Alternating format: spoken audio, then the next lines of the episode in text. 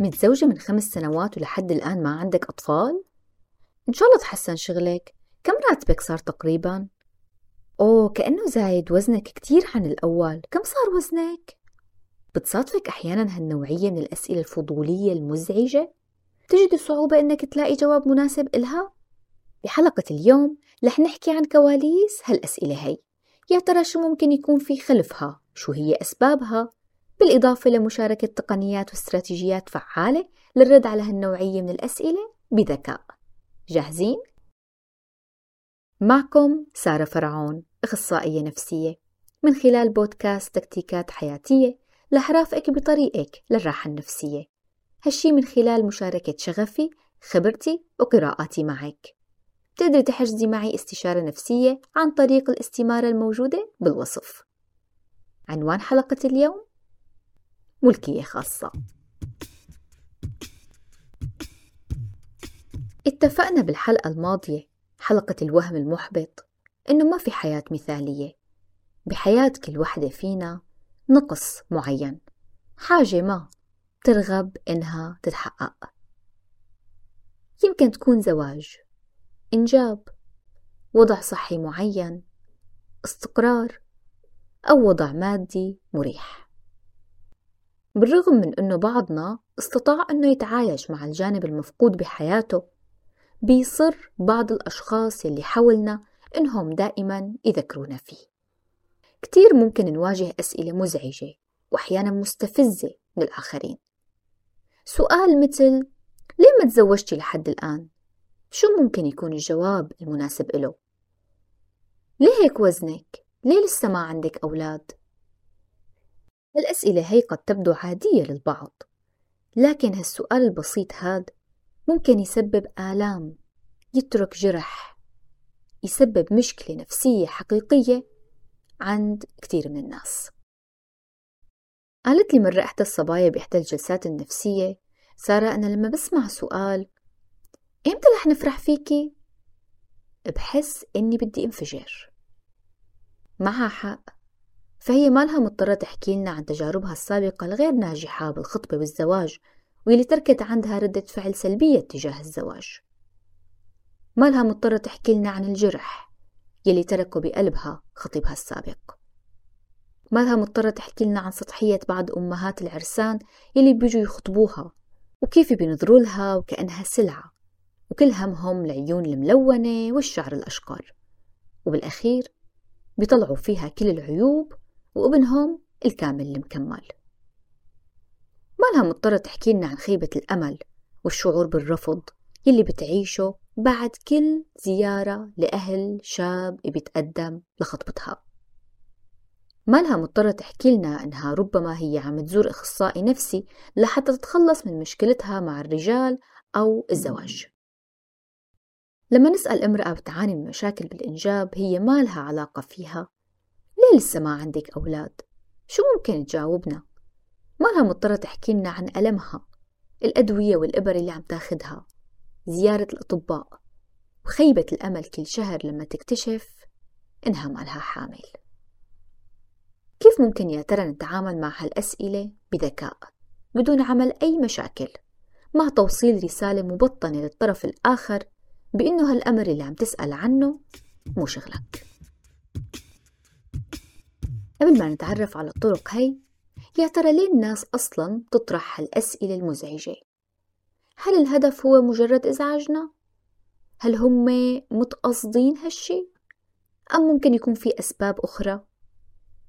بالحقيقة في عدة عوامل وأسباب ممكنة وراء طرح هالأسئلة المزعجة هي مثل عدم الوعي بعض الأشخاص ما بينظروا لهالنوعية من الأسئلة على أنها مزعجة نعم ممكن تكون نسبتهم قليلة لكنهم موجودين. بعض الأشخاص كتاب مفتوح أمام الآخرين وما عندهم مشكلة إنهم يحكوا عن أشياء خاصة أمام الناس مثل مشاكلهم الزوجية المالية والشخصية. ولأنهم هم ما عندهم مشكلة بهالشي بيفترضوا إنه الآخرين مثلهم ما عندهم مشكلة إذا سألوا أسئلة شخصية. فهم غير واعيين بالاختلافات الموجودة بين البشر. غير واعيين لآثار طرح هالنوعية من الأسئلة هي وشو ممكن تسبب من انزعاج ويمكن مشاعر سلبية عند الطرف الآخر. الاختلافات الثقافية. ربما تكون بعض الأسئلة هي عند بعض الثقافات أو البيئات عادية. الضغوط النفسية. الأشخاص المجروحين سهل جدا أنهم يجرحوا الآخرين. ببعض الأحيان كثرة الضغط التعب النفسي عدم تفريغ هالتعب بطريقة صحيحة ممكن يجعل من الشخص مزعج. فممكن يبدأ هالشخص بطرح مشاكله وتعبه على الآخرين عن طريق بعض الأسئلة المزعجة والمستفزة. الافتقار إلى المهارات الاجتماعية. بعض الأشخاص بيعانوا من نقص بالمهارات الاجتماعية حقيقة ما عندهم طريقة مناسبة ولبقة بالتواصل مع الآخرين. ما عندهم حسن اختيار الأسئلة المناسبة ولاحترام خصوصية الطرف الآخر وخطوطه الحمراء. فبيميلوا لطرح أسئلة غير ملائمة أو مزعجة بدون قصد منهم. لذلك أنا بشوف من أهم الأشياء اللي ممكن تستثمريها بنفسك بعد اعتنائك واهتمامك بصحتك النفسية هي تعلم مهارات التواصل الفعال. وأخيرا أحيانا نعم بيكونوا الآخرين متقصدين إزعاجنا بأسئلتهم أو عندهم فضول إنهم يعرفوا تفاصيل حياتنا الشخصية. أحيانا بنكون قادرين إنه نتقبل الأسئلة المزعجة ونتجاوزها بمرونة. بينما بأوقات تانية بيكون وقع هالأسئلة الفضولية علينا جدا صعب. ممكن يجرحنا يغضبنا يكسر بخاطرنا أو يبكينا. كيف ممكن نتعامل مع هالأسئلة هاي؟ أول أمر ممكن تفعليه خذي نفس عميق. لا تجاوبي فورا خاصة إذا كنت عم تشعري بالغضب لأنه رح يبدو جوابك دفاعي وقاسي وغالبا رح تندمي. خذي وقتك اهدي شوي تنفسي بعمق بعدين ردي. التروي بالرد ممكن يفشل مخطط الطرف الآخر بإزعاجك إذا كان فعلا قاصد هالشي. حافظي على هدوءك ولا تخليه ينتصر. غيري توقعاتك. هالمواقف المزعجة ممكن تزعجنا بشكل أكبر لما تكون توقعاتنا غير واقعية. مثلا إنه يكون عنا توقع إنه الناس كلها لطيفة وبتعرف تحكي بأسلوب لطيف ولبق وما بتسأل أبدا أسئلة مزعجة أو مستحيل تغلط. فأكيد رح ننزعج لأقل تصرف عكس توقعاتنا. بينما لما نغير توقعاتنا رح يكون انزعاجنا أخف بكتير. اتخذيها كفرصة للتعلم.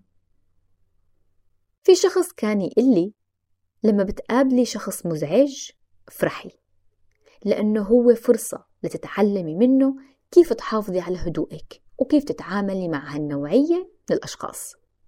بالفعل التعامل مع هالنوعية من الأسئلة والأشخاص بيقوي من عضلاتك الاجتماعية ومهارات التواصل عندك. وأخيرا استخدمي أحد هالاستراتيجيات الفعالة بالتعامل مع الأسئلة الفضولية. كأنه صاير في حبوب بوجهك من جديد. صحيح. ما عم تعتني ببشرتك؟ الاعتناء بالبشرة كتير مهم حتى تصيري أجمل. نعم صحيح صحيح. تعرفي عندي إلك خلطة روعة. صحيح صحيح. تشربي قهوة؟ مواجهة نصائح الآخرين المتعلقة بأمورك الشخصية بالإجابة بنعم صحيح.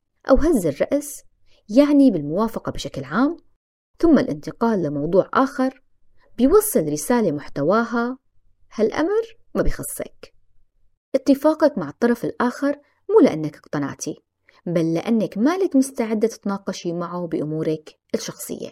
هذا الأسلوب فعال للاستخدام مع كبار السن بيوصل الفكرة بشكل لبق. حضرتك بتشتغلي؟ نعم. كم راتبك؟ ثلاث مواضيع لا تجربي تسألي الآخرين عنهم. العمر، الوزن، والراتب لأنه هالمواضيع شخصية جدا. من الطرق الفعالة بالتعامل مع الفضوليين تقديم نصيحة بدل الإجابة عن السؤال. هي الطريقة مباشرة وجريئة. ممكن تكون جدا مناسبة مع الغرباء أو مع الأشخاص الجدد لأنه بتقوم بوضع الحدود ضمن العلاقة. بينما إذا شعرتي بالإحراج من أول مرة واضطريتي إنك تجاوبي عن أسئلة شخصية هالشي ممكن يقودهم إنهم يتعودوا ويتجرأوا على طرح المزيد من الأسئلة المشابهة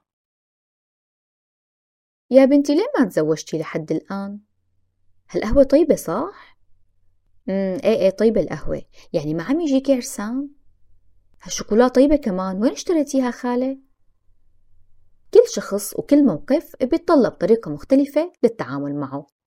أحيانا بيكون التجاهل أسلوب جيد للتعامل مع الأسئلة المزعجة لأنه بيوصل رسالة للآخر هالموضوع شخصي وليس للنقاش. بعض الأشخاص ممكن يعتبروه نوع من الضعف لكن بالواقع القدرة على التجاهل بيتطلب قوة كبيرة وخاصة إذا كنت غاضبة ومزعوجة من تدخل الطرف الآخر بحياتك الشخصية ما بتفكري بالإنجاب؟ الله كريم يعني عندك مشاكل معينة ولا أنت أصلا مالك مفكرة بالموضوع لسه؟ مم. الله كريم كيلي احكي لي أنا مثل أمك يمكن ساعدك الله كريم تتذكروا أيام المسجلة بالشريط؟